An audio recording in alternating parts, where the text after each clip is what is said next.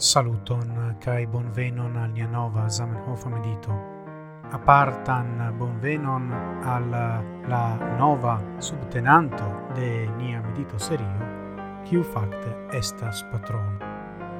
Ocase al tio mi volas paroli iomete pri la intercultura novelo concurso mallonge inco kiu estas maniero montri alla mondo che Esperanto estas bona pontolingvo inter diversai culturai kai literaturai tradizioi char oni raitas concursi per novelo verkita en iu ain lingvo condice che estas traduco al Esperanto. La temo estas la covima epoco Bonvolu rigardi la tutan mediton gis la fino, ciam estas pli da informoi pretio. Tion dirite, ni turnu la tenton al nia medito. Hodiau ni cun meditu sur vortoi ciui aperis origine en la antau parolo alla quina eldono della Fundamenta Crestomatio, quiu estis publicigita en iaro 1907. Cai oni povas trovi la antau parolon en la original vercaro je pagio quardec hoc. Mi trarigardis de nove la tutan crestomation, cae mi forigis el gi ciuin pres eraroin ciuin mi trovis.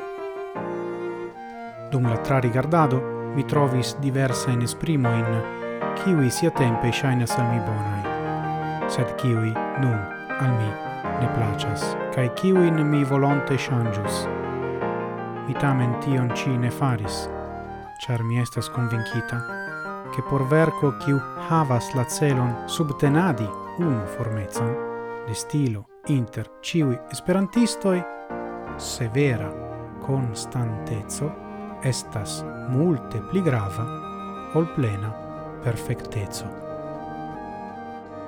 Care ciui, lasu al mi racconti mallongan anecdotum Quelcfoie mi ricevas rimarco in primia lingvo uso, cae malofte ili estas, ni diru, gentilae cae ne el catedro, cae ci foie oni demandis al mi, ciu la esprimo.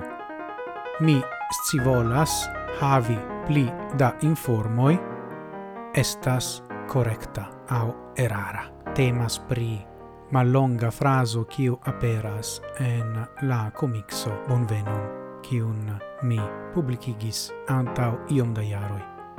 Do la puncto nun ne estas ciu la esprimo estas correcta au ne, gi estas perfecte esperanta facte, ecce se ne aperas versaine en iu ain corpuso au textaro, sed la puncto estas ke homoi desiras atingi perfectezon, kai la risco estas bremsi sin en la uso de la lingvo kai do perdi mem confidon en gi.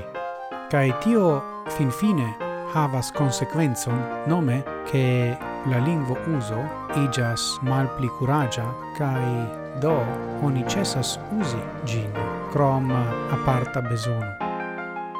Kai ne juas plu usi la lingvo. Do ni povas vidi che Zamenhof volintus correcti, ni diru, la malbela in esprimo in qui iam aperis en la fundamenta crestomatio, sed li decidis tion ne fari. Por respecti la historion, char severa continuezzo estas tio kio garantias al Esperanto sian vivon kaj do finfine sian esprim povon. Dankon pro via atento, gis morgau kai kiel ciam, antauen sen fine.